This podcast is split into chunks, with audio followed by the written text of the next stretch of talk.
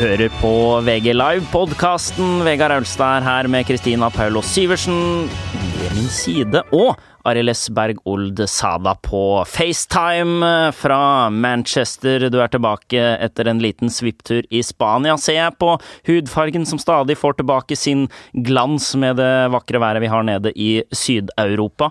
Vi skal allikevel hjem til Norge her, til eh, landslagsuttaket som kom tirsdag til kampene mot Malta og det uhyre viktige oppgjøret borte mot Sverige på Friends Arena. Mange var jo spent, men etter hvert litt overbevist om at Erling Braut Haaland skulle få en sjanse i den norske troppen, og gutten som har vært on fire med seks mål på tre kamper i den østerrikske ligaen, han er med i troppen. Og det syns vi vel er artig å få se denne jærbuen prøve seg på landslaget. Ja, det er jo bare på sin plass. Ja, Det ville vært en liten skandale hvis han ikke var med, mener jeg. Det var jo, jeg var ikke veldig spent på, på det uttaket akkurat. Han uh, bøtter inn for en klubb som er lær altså, nå, nå, er han jo på et nivå som uh, få av de andre spissene egentlig er på, da, som vi har. Joshua King spiller selvfølgelig på et høyere nivå, men hvis du ser bort fra King, så, så, er jo de andre spissene i enten Tyrkia eller uh, i Sverige, eller så er de Eh, i Norge, som Bjørn Mars Johnsen. Så um, at han bøtter inn i, i, um, i, Østerrike, det eh, gjør at han er helt naturlig i den troppen. Og jeg håper, må jeg eh, rett og slett si, at vi får se Joshua King og Braut Haaland i tospann på topp, for det, det, tror jeg det tror jeg ikke bare det er Malta som, som, vil frykte, det tror jeg det er ganske mange fotballnasjoner i Europa som, som syns er ugunstig å møte. Det er selvfølgelig naturligvis eh, bra det Joshua King har levert, men det må vel være lov å si at Erling Braut Haaland er det største spisstalentet og den mest spennende spilleren på topp siden Jon Carew slo gjennom for ja, vel 20 år siden nå? Ja, jeg tror ikke Joshua King eh, kommer til å sette pris på den påstanden, men, men, eh, men jeg er tilbøyelig til å være enig i at det han har vist i så ung alder, er på et nivå som Joshua King aldri viste i den alderen. Og han har noen kvaliteter, og en kombinasjon av kvaliteter som, som jeg ikke har sett eh, på noen spiss på egentlig veldig lenge. Og da, da tenker jeg nesten ikke bare på Norge, men, men generelt i Europa. Da. Han har eh, både råskap, fart eh, og avslutteregenskaper og, og veldig, veldig mye som skal til for å lykkes. Han jo, har jo evnen til å dra seg forbi noen mann og drible og holde unna og, og, og sånn, og det, det er ekstremt spennende. Så jeg føler at han, han ser jo, ut fra det vi har sett, eh, klar ut til å ta steg rett inn i, startoppstillingen til Norge, men eh, men man skal ikke undervurdere det å ha litt internasjonal erfaring. Det er jo en grunn til at en, ja, en spiller som Bjørn Mars da, klarer å lykkes på landslaget. Det er jo det er på en måte ikke alt som er én pluss én er to i fotballen. Noen ganger så, så trenger du litt ja, utypiske ferdigheter eller en litt spesiell mentalitet som gjør at du lykkes på det nivået. Og der skal jo Bjørn Mars Johnsen ha kred. Da han, eh, det er jo ingen som elsker å spille for Norge så mye som Bjørn Mars Johnsen. Han snakker jo om det hver eneste gang han får spørsmål om klubblag og valgene sine i overgangsmarkedet og sånn. Så er det én ting eh, han trekker frem som det viktigste i valgene sine, og det er at han skal eh, spille for landslaget. Så um, Bjørn Mars Johnsen, selv om han nesten ikke har spilt fotball i uh, ja, de siste månedene, er nok også aktuell for en startoppstilling, fordi at han har spilt fire strake kamper hvor han har levert uh, målpoeng for Norge. Og så er det jo noe med at når Mars har kommet inn i kamper, at han ikke har starta de, men han har ved flere anledninger kommet inn som innbytter, da, og fullstendig snudd kampbildet. Du så jo på, på Mestalla i mars eh, hvordan han kom inn og, og plagde det spanske forsvaret og, skapte litt skapte litt røre. Var vel han som skåra også borte mot eh, Slovenia i, uh, i, november, eller hva det var for noe. Eh, så ja, han har kanskje ikke spilt mye fotball, men han har funnet sin rolle på det landslaget. Og det er en spillertype som, som Lagerbäck tydeligvis liker veldig godt. Men det som er litt artig, syns jeg, da, er jo Fy fader, for noen kraftpakker vi har i de fire gutta på topp der nå. Du har tre stykker som er over 1,90 høye. Og så har du Joshua King, som riktignok er nærmere 1,80, vel. Men han er jo kanskje den, den biffeste av dem, da, for å si det på den måten. Og så har du på en måte skalaen fra Joshua King på den ene, Sørloth, Haaland, eh, Mars. i sånn biffe biffeskala, da, for å si det på den måten. Så jeg tror ikke det blir kult å møte noen. ja, det er jo store, sterke gutter, da. Ja, det, det, sier jo noe når eh, Joshua King er liksom sveklingen på, på topp uh, blant, blant, fire spisser. Da, da, har man noen uh, muskler å spille på. Det blir utrolig kult å se hvordan han eh, leverer på landslaget nå, i hvert fall Erling Braut Haaland. Men liksom, vi har jo sett han internasjonalt i U-mesterskap levere ni goller mot Honduras der, og, nå skal han ut i Champions League for Red Bull Salzburg. fordi at det, det er jo mange som på en måte er litt usikre på uh, liganivået i østerriksk serie, fordi at Red Bull Salzburg har blitt den, uh, det liksom, uh, lokomotivet der nede nå. De vinner jo mange kamper med ganske mange Hvis man ser på resultatene, så skårer jo veldig mange mål. Men samtidig så har Erling Braut Haaland kommet på rundens lag flere ganger vært kanskje den beste spilleren eh, så langt i serien. Så på en måte, man må på en måte legge det til grunn. Eh, og samtidig har Red Bull Salzburg mista en del gode spillere fra det laget som spilte mot Rosenborg i Europaligaen i fjor. Så eh, for de som ser kampene eh, Red Bull Salzburg, så skjønner man at den prestasjonen er ganske god, bare for å ta ned de som på en måte er kritiske til liganivået i Østerrike. Red Bull Salzburg mm, er jo bedre lag enn de beste i Norge, f.eks.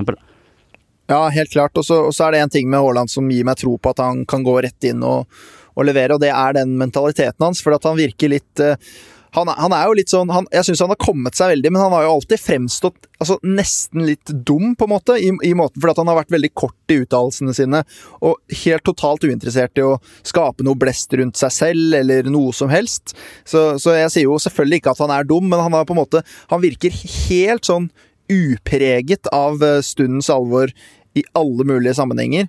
Uh, og det tror jeg kan gagne han, for det virker ikke som at han uh, lar seg affisere av at det er en debut enten for Salzburg eller det var da han kom inn for Molde og skulle få muligheten, så var han helt uredd og, og bare dunka på og tok nivået med en gang, og det tror jeg han fort kan gjøre for Norge også. Mm.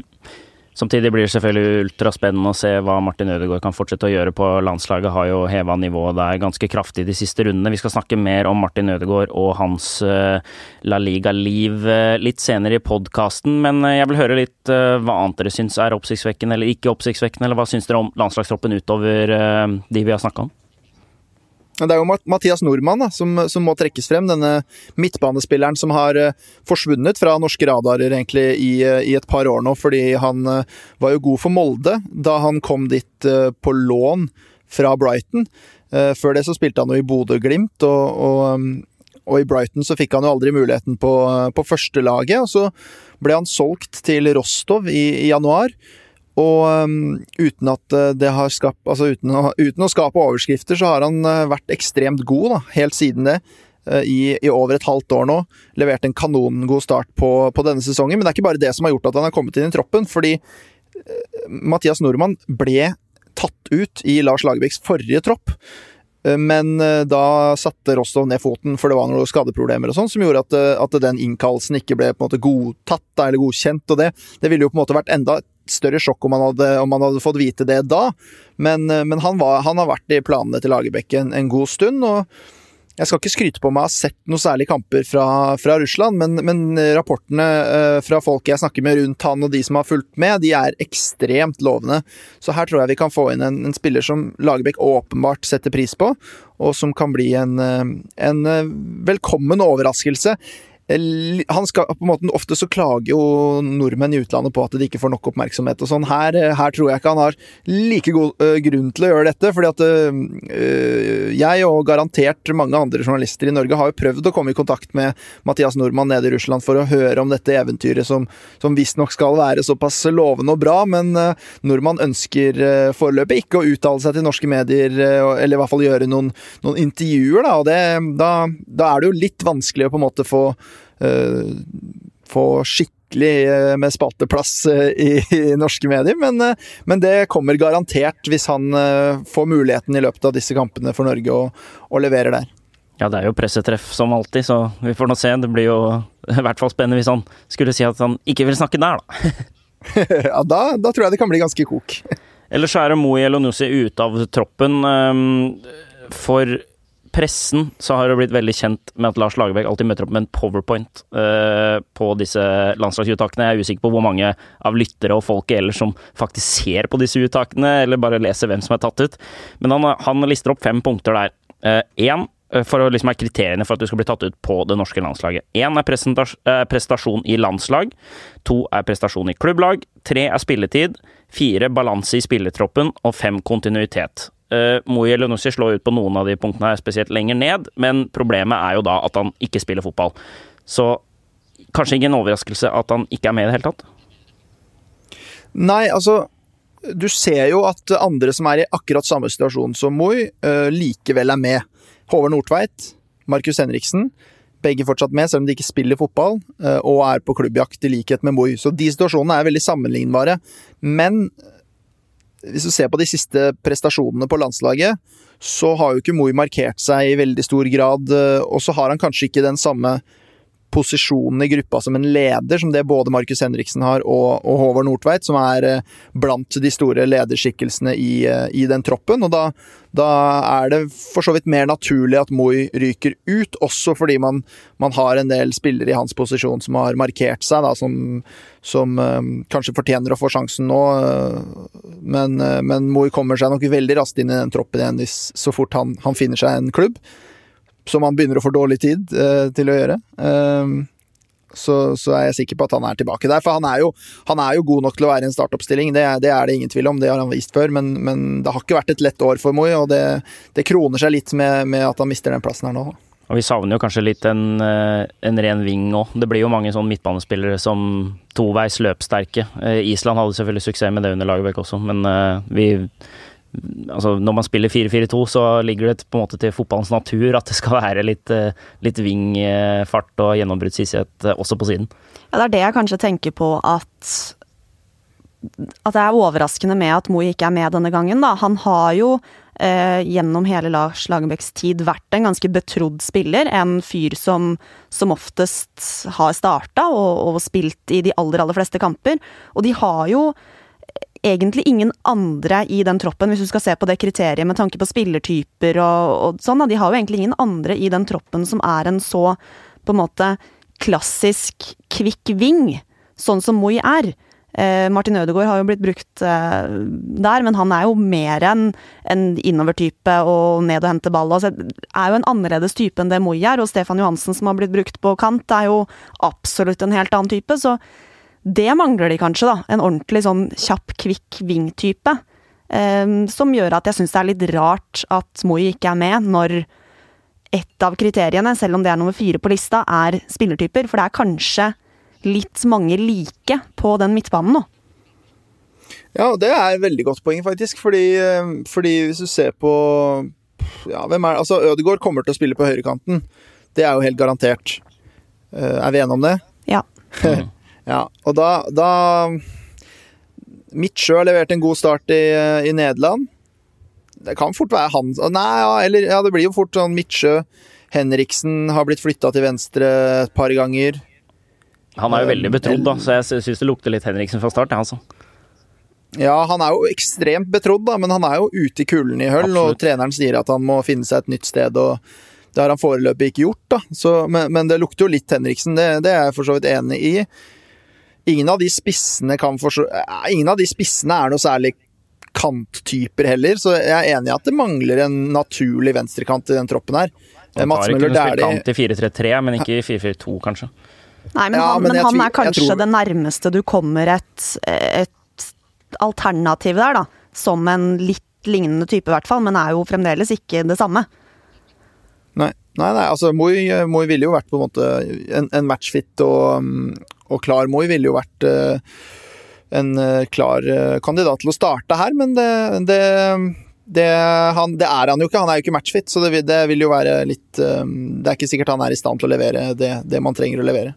Men du kan jo kanskje lese litt ut ifra det Lagerbäck sier når han presenterer troppen tidligere i dag, at han har trukket Tariq ned som en av midtbanespillerne sine i uttaket. Det sier han jo at nå er han Så det er jo kanskje et et eh, signal på at Tariq er tiltenkt en eh, kantrolle, for å si det sånn.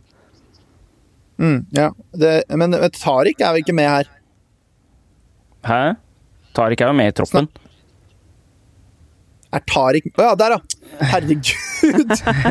Han er med der, ja. Han er jo med på midtbanen. Har ikke han Ja, det er det. Han er med på midtbanen denne gangen, ikke som spiss. Så det mener jeg kanskje er et signal da, på det. Ja, her sona jeg litt ut, sorry. Jeg har hatt en veldig lang natt, eller kort natt etter det, kanskje. Jeg kom hjem Jeg hadde forsinka fly fra, via Berlin fra Mallorca, så det setter jeg på den kontoen. Ja, uansett, Vi skal ikke synse for mye med det laguttaket. Det blir spennende å se når Norge tar imot Malta på Ullevål 5.9. Før Sverige er altså på Friends Arena søndagen eh, etter. eh, De bør kanskje ha seks poeng på disse kampene hvis man skal være helt der oppe. Spania toger jo fram i front, har full pott eh, og tolv poeng på de fire første kampene. Norge har fem på fire, altså, og betyr at denne uka her så tåler man ikke noe uavgjort hjemme mot Malta og en, eh, en forløs da på Friends Arena. Det går ikke. Så vi får håpe for eh, Norges del at eh, de tar seks poeng, at vi får litt spenning eh, selv om man har denne Nations League-muligheten på tampen dersom det skulle gå galt i EM-kvalifiseringa. Vi skal til Premier League og din nåværende arbeidsplass, Arild. For hva søren er det de holder på med? Det er mye, det er mye var-ordspill. Det her syns jeg vi er sånn langt nede på Ja, ja, blant selvfølgelig, men vi kan ikke stjele alle andre sine. Men eh, vi skal altså til VAR, da. Samme hvor dårlig det var. Vi, Samme hvor dårlig det var, ja. ja. Åh, ja, vi skal til VAR, men eh, og Men det en er jo- utrolig helg. Ja, det er jo søren meg ikke noe annet å lese om og, og høre om og se på på TV enn en VAR. Og det mm, Nå har det gått tre runder, og jeg syns nesten det er det eneste som har stjålet fokus hver eneste runde i Premier League. Det er Enten så er det hårfine offside-avgjørelser som eh, ingen aner eh, om er riktig eller ikke, til tross for at man bruker kamera og streker og, og vinkler og fullt kjør. Eller så er det straffesituasjoner, som på Old Trafford eller i- City-kampen, som eh, tilsynelatende burde være klink klare, men som ikke blir eh, tatt av VAR. Det er veldig vanskelig å bli eh, klok på, og, eh, og vi kan jo diskutere det litt. Jeg syns jo at det virker som Jeg, jeg syns jo ofte at man skal teste nye konsepter i litt mer ufarlige eller kontrollerte former, da, og litt, prøve det litt etter litt. Og, og sånn sett så kunne man jo tenke at VAR var klart for Premier League nå, fordi at de prøvde det jo i VM i, i fjor, og da syns jeg det fungerte veldig bra, med, med unntak av et par litt kontroversielle situasjoner. Så syns jeg aldri at man ventet sånn ekstremt lenge på avgjørelser, f.eks. Og, og eh, stort sett så var det ganske klare ting. Men nå virker det nesten som at de bare har slengt inn en ny versjon av VAR, som de plutselig skal prøve ut i Premier League, med, med noen helt nye forutsetninger og, og regler som skaper veldig mye forvirring.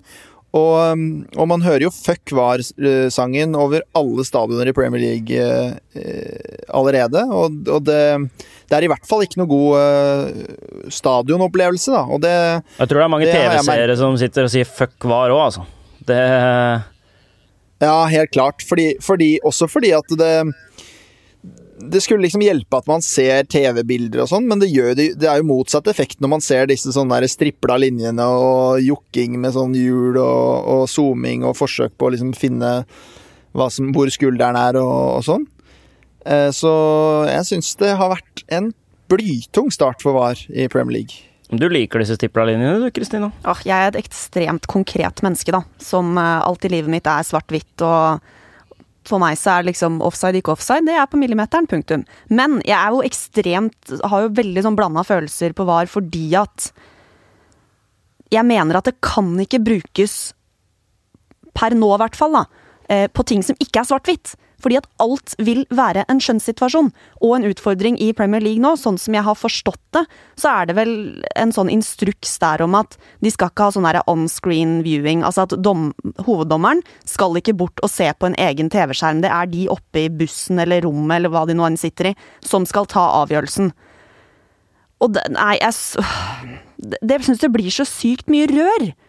Og hvis de først skal ta skjønnssituasjoner, så som straffer og, og det som er, så må hoveddommeren utpå der være han som har siste ord. Og da mener jeg at han må bort på den skjermen og ta en kikk. Rett og slett. For jeg syns jo ikke at ting egentlig tar så himla mye lengre tid med at han tar en kikk. I hvert fall ikke sånn som det har vært i en del andre ligaer, da. I, I Spania, Italia osv. Så, videre, så begynner det jo å gå seg til. Det er vel andre året i Spania og tredje året i, i Italia at de har VAR nå. Hvor det går seg egentlig bedre til. Det var problemer der i starten òg. Men av en eller annen grunn, ikke vet jeg hvorfor, eh, så, så, skal de ikke ha den der on-screen viewing, eller jeg vet ikke hva det heter for noe, eh, greia i, i Premier League. Nei, altså, er, Jeg er litt enig i akkurat det poenget, for jeg syns det var i VM litt av showet var jo det der at du fikk det tegnet, og så fikk du dommeren som liksom løp ned til den skjermen, og så fikk du den spenninga, og det ble en del av, av pakka. Nå, nå, står jo dommeren sånn med øreproppen sin og venter, og så står spilleren og slår ut med armen og skjønner ikke så veldig mye, og så tar det så lang tid. Men, men bare tilbake til det du begynte med, Kristina, om offside. For det, du, du, sier jo at uh, du vil ha ting svart-hvitt. Jeg syns jo ikke noen av Det er en del av de her offside-situasjonene som jeg ikke syns er svart-hvitt. Eksempel Stirling i første serierunde, da, nå begynner det å bli en stund siden, men det, det, var Daily Mail som hadde en sak på det, at uh, han visstnok skal ha vært 2,4 cm offside ifølge de der målingene, men samtidig så har teknologien en feilmargin på 13 cm, så du kan ikke vite om det på en måte er eh, Om han egentlig var 10 cm innafor eller, eller, eh, eller liksom 15 cm offside. Eh, jeg, jeg, klarer ikke å se om det er riktig, og jeg, jeg, vet ikke om de har noen ekstra bilder som de ikke viser oss, men, men i et par av de situasjonene så syns jeg knapt det er mulig å, å se, altså. Ok, men hvis, det, altså hvis, de har og, og da, Men da, men da syns jeg at sånn Da syns jeg nesten at man skal droppe det. På, på det, og hvert fall altså sånn, Kan man ikke slå ned på det hvis du ser det med en gang med TV-bildene? da, At man har en slags sånn At det må være såpass klart også på offside. fordi når det er sånn millimeteravgjørelser, så, så er det nesten meningsløst. fordi For det første så tar det så lang tid, og for det andre så føler jeg ikke at, eh, at, at man som tilskuer sitter igjen med At man føler at man har et svar, da, et endelig svar, at det var riktig. Ja, jeg, er for, så vidt enig med deg i det. Hvis du tar den første tingen først, da. Ok, de har 13 cm feilmargin. Da mener jeg at eh, greit, da er det lov til å være 13 cm offside. Skjønner du hva jeg mener?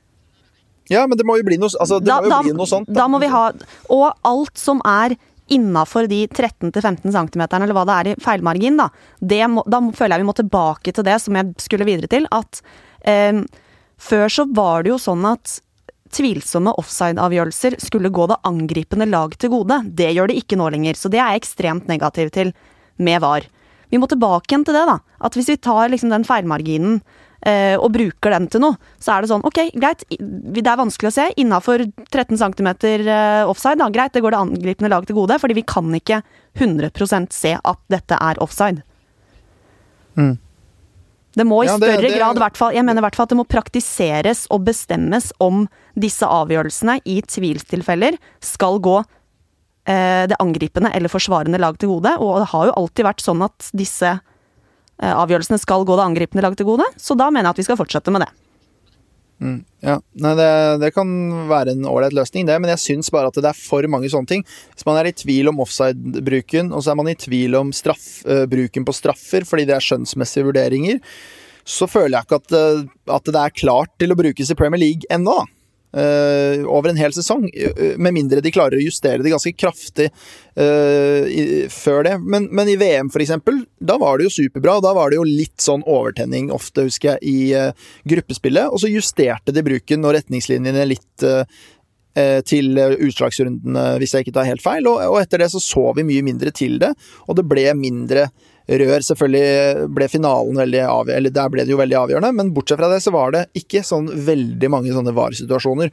Og problemet mitt med, men nå er at nå, nå, driver man og bare diskuterer VAR uh, i Premier League. Det er det eneste man diskuterer, og det syns jeg er kjedelig. Man snakka om at det, det, ikke skulle bli diskusjoner rundt dommeravgjørelser. Jeg syns det var mye morsommere å diskutere dommeravgjørelser og om de var riktige, uh, og om dømminga var bra nok, før enn å, enn å drive og diskutere disse Mot disse et system som egentlig skal være altså. korrekt? Ja. Nettopp. Um, det er det jeg må si, det syns jeg er typisk at Premier League skal kjøre sin egen versjon og være egne, og vi skal drive på på vår måte. Det, det må nesten være sånn. Men uh, en som syns det uh, er bedre i Premier League enn i Spania, er Martin Ødegaard, som du snakket med i Valencia etter den første serierunden der. For da tok det jo enormt lang tid etter at Kevin Gameiro mm. hadde gitt Valencia ledelsen 1-0 før de fikk begynne å spille igjen. Ja, det tok over fire minutter, og det var en parodi. Det var sånn, Da var det ordentlig buing på Mestaya der, og og ingen skjønte noe som helst, og det var litt utydelige TV-bilder, og det var jo bare helt latterlig at det skal være mulig å bruke så lang tid på VAR. Og, og, jeg var jo i Mallorca nå og så den andre kampen til Martin Ødegaard, og der var det også flere ganger hvor spillet ble stoppa i sånne i, gjerne ett minutt, hvor, hvor, en eh, situasjon skulle sjekkes, en mulig hens eller en mulig offside eller sånne ting. Eh, og du ser det på mange av spillerne, og jeg syns spesielt på Martin Ødegaard at han eh, slår ut med armene og, og kommer med noen gester til dommeren der når, når, de holder på, gjerne etter at han har blåst i gang igjen spillet, at han ser veldig oppgitt ut da, over at du får disse avbrekkene som, som tar litt av brodden og temperaturen ut av kampen. Så jeg forstår den eh, frustrasjonen. Jeg, jeg, tror jo på en måte Martin var imponert mest over den første serierunden i Premier League. Etter det så har det jo gått enda mer over stokk og stein i England òg. Uh, og, og han, han, eh, publiserte jo på Instagram at han ga applaus til Brede Hangeland, som jeg må si jeg syns har vært fantastisk i denne VAR-debatten. Fordi tidligere så har jeg egentlig ikke hatt noen veldig sterke, veldig sterke synspunkter, men, men jeg heller mer mot, mot hans måte å se det på. Men Ødegaard har jo litt av den samme oppfatningen. Jeg husker jo eh, for Vitesse på våren så opplevde han for første gang i februar å bli fratatt et mål pga. VAR, og da sa han at han syntes det var helt latterlig og eh, det bitreste han hadde kjent på, at dette var ikke fotball for han. Og jeg prata med han etter kampen, og da sa han også at han eh, han til og med da på den skåringen sin, første skåringen i La Liga, var tilbakeholden da han hadde skåret fordi at han var, var, redd, rett og slett, og påvirka av, av, denne VAR-frykten og redd for at målet skulle fratas han. Eh, og så sier han at han syns det tar bort noe av det han mener er viktigst i fotballen, som, som, er lidenskap og følelser. Så han, han er åpenbart ikke fan av, av, det opplegget her. Men uh, når det gjelder Martin Ødegaard, så for å ta det litt videre fra VAR, så kan vi jo snakke om han nå, fordi du var også til stede på Mallorca, hvor han skåret sitt første mål og virkelig har fått en rakettstart på dette utlånet. Han, har jo, han kommer kanskje litt seinere i gang i Heerenveen og i Fitesse enn det han har gjort nå. Da har han jo virkelig tatt uh, rollen sin med en gang og presentert seg for det spanske folk. Og du fikk jo, som du jo rapporterte, sett at han uh, gikk live på spanske kanaler og på radiokanaler, og det var det ene og det andre, og han snakker jo språket og virkelig har på en måte blitt hele Spanias Martin Ødegaard i løpet av denne helga. ja, jeg snakker jo litt spansk, men Kristina er jo mye bedre enn meg. Så, så hva er dommen på, på, leveransen fra Martin eh, på språket her, eh, Kristina? Eh, jeg har ikke hørt radiointervjuene. Jeg har sett det ligge noen klipp ute, men jeg har ikke fått hørt på dem. Men jeg, dagen derpå så, så jeg det intervjuet han gjorde da umiddelbart rett etter kampslutt, med rettighetshaver. Og det er, står til terning fem pluss, altså. Uh, oi, oi, oi. Ja, ja det, det, var rett og slett knallbra. Han, han, snakker enkelt, liksom. Han hadde en bitte liten verbfeil i første setning, men det tilgir vi han for, for det, den bommer jeg på innimellom. Uh, men det er rett og slett kjempebra, og han, han ser trygg ut. og, og det jeg kanskje syns uh, var mest imponerende, er at fordi at du vet sjøl når du er nødt til å, å, snakke et nytt språk, og, og så er, prater det mennesket du prater med litt utydelig eller litt fort, eller et eller annet, så blir du litt usikker, og så bare prøver du å svare allikevel. Men han sa rett og slett uh, 'unnskyld, hva sa du?' Uh, og fikk repetert spørsmålet på en litt enklere Han er trygg nok til å faktisk stå live på TV og bare 'beklager, jeg hang ikke helt med nå, hva sa du for noe?' Knallbra. Uh, svarer jo kort, fordi at han, han, har nok ikke det største vokabulæret helt ennå, men veldig, veldig imponert. Veldig flink. Ja, nei, det var imponerende. Dette er jo da første gangen han gjør det her, fordi han har gjort større intervjuer med spanske aviser, både Marca og, og Mondo Deportivo i, i San Sebastian osv., hvor han har snakka engelsk. Og, og, dette har liksom vært noe av det de som jeg snakka med rundt klubben, har sagt at ja, han må, han må, liksom, han må være litt mer frampå på spansken og sånn. og nå Perfekt timing for han da, å kunne vise frem at såpass trygg er han faktisk på den spansken. Han tar to, to intensive Eh, spansk eller, altså To ganger i uka så får han besøk av en privatlærer og kjører intensive spanskøkter, som, som åpenbart har hatt sin effekt. Han har jo eh, han har jo et grunnlag selvfølgelig fra, fra, da han var i Real Madrid, men det er jo grenser for hvor mye han har vært der og hatt muligheten til å, til å eh, lære seg det, så jeg tror han har tatt ekstremt store steg her. Det er også noe han beskjed, har fått beskjed om fra, fra Bjørn Tore Kvarme, blant annet, agenten som jo har spilt i San Sebastian før, og som har vært veldig på at han er nødt til å, til å gjøre dette for å, for å, tilpasse seg så bra som mulig. Og det, det topper liksom hele Det, det var et fint um, symbol, da, syns jeg, og, og et bevis på hvor godt han har tilpassa seg Real Sociedad i løpet av forholdsvis kort tid. da, Og i mye større grad enn det han klarte på de to utlånene i Nederland. Og det som er litt artig, er når du ser liksom på Twitter og sånn, at uh, ikke bare Real Sociedad-fansen, Sociedad men også Real Madrid-fansen omfavner jo gutten nå for at han snakker spansk, og alle sammenligner han med Gareth Bale. Som da, eh, som ryktene tilsier, omtrent ikke snakker et kløyva ord spansk etter å ha vært x antall år i Spania. Så eh, de elsker han jo for det òg, for at han forsøker og, og er i gang med å lære språket. Det setter jo spanjoler enormt pris på.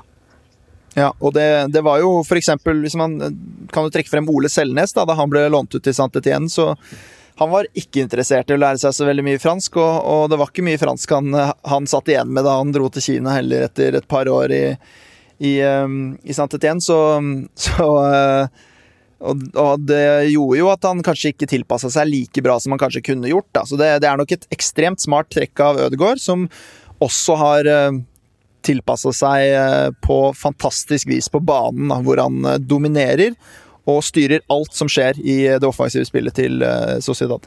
Han blir 21 Eller Real, La Real, som man skal si. La Real. Real Sociedad må du vel få lov å si. Det er vel Sociedad man nå Ja, jeg sa bare Sociedad, så det er fifi. Nå kommer Petter Wæland og gir meg Ja, ja, men det er jo ja, en eller annen en som driver og melder og Nei, det, det, får være, det, får være, det, får være, lov å si Sociedad i Norge, syns jeg, selv om jeg har skjønt at det betyr samfunn. Men uh, jeg, tror, jeg tror, at det speiler hvis, hvis uh, vi som ikke jobber i media, med noen kamerater ute på Løkka snakker om hvordan Martin Ødegaard 20 gjør det i Spania, så tror jeg det, det er nok mange som går i Sociedad-fella, da, hvis man skal faktisk kalle det det. Så jeg tror nok ikke Vi får prøve å lære opp riktig, men uh, samtidig så, så tror jeg ikke det er siste gang noen går i den gjør den feilen. Uh, han ble altså 21 år da, i desember, uh, og som du er inne på her, sportslig sett ser det helt uh, enormt bra ut. Og man får vel se det mot landskampene som vi var inne på her, at han kommer til å fortsette å levere for det norske folk. det er vel all grunn til å se på spansk fotball nå for å, for å se ham i aksjon. Han, han, gjør mye riktig nå. Ja, herregud, han gjør det, og, og det, det, er utrolig kult å se. Han får jo en voldsom tillit. Jeg syns, det som kanskje viser mest hvor bra det går og hvor riktig sted han er på, er For det første så er det altså Ciudad et, et, lag som spiller fotball. Altså De spiller seg ut bakfra hele tida. De er blant lagene som har ballen mest. og og Derfor så, så passer jo det selvfølgelig en spiller som Ødegaard perfekt. Og du ser det på alle lagkameratene hvor interessert de er i å få gi ballen til han. For det første så er jo han veldig aktiv og ønsker ballen hele tida, men, men, lagkameratene har lyst på, til å finne han hele tiden. Og, og det viser at, eh, at han, han, nyter en ekstremt stor kredibilitet blant dem, da, fordi han har vist eh, det han har vist i løpet av oppkjøringen. Og de vet at hver gang de gir han ballen, så skjer det noe. Det, det påpekte alle spanske medier som, som kåret han til, til beste spiller og, og alt mulig utrolig moro å følge med. Vi får følge Martin Ødegaards utvikling videre. Jeg regner med du skal over og se kamper senere, Arild for å gi intervjuer og reaksjoner til det norske folket. VG Live takker for seg i dag. Takk for at du hørte på. Så høres igjen ved neste anledning.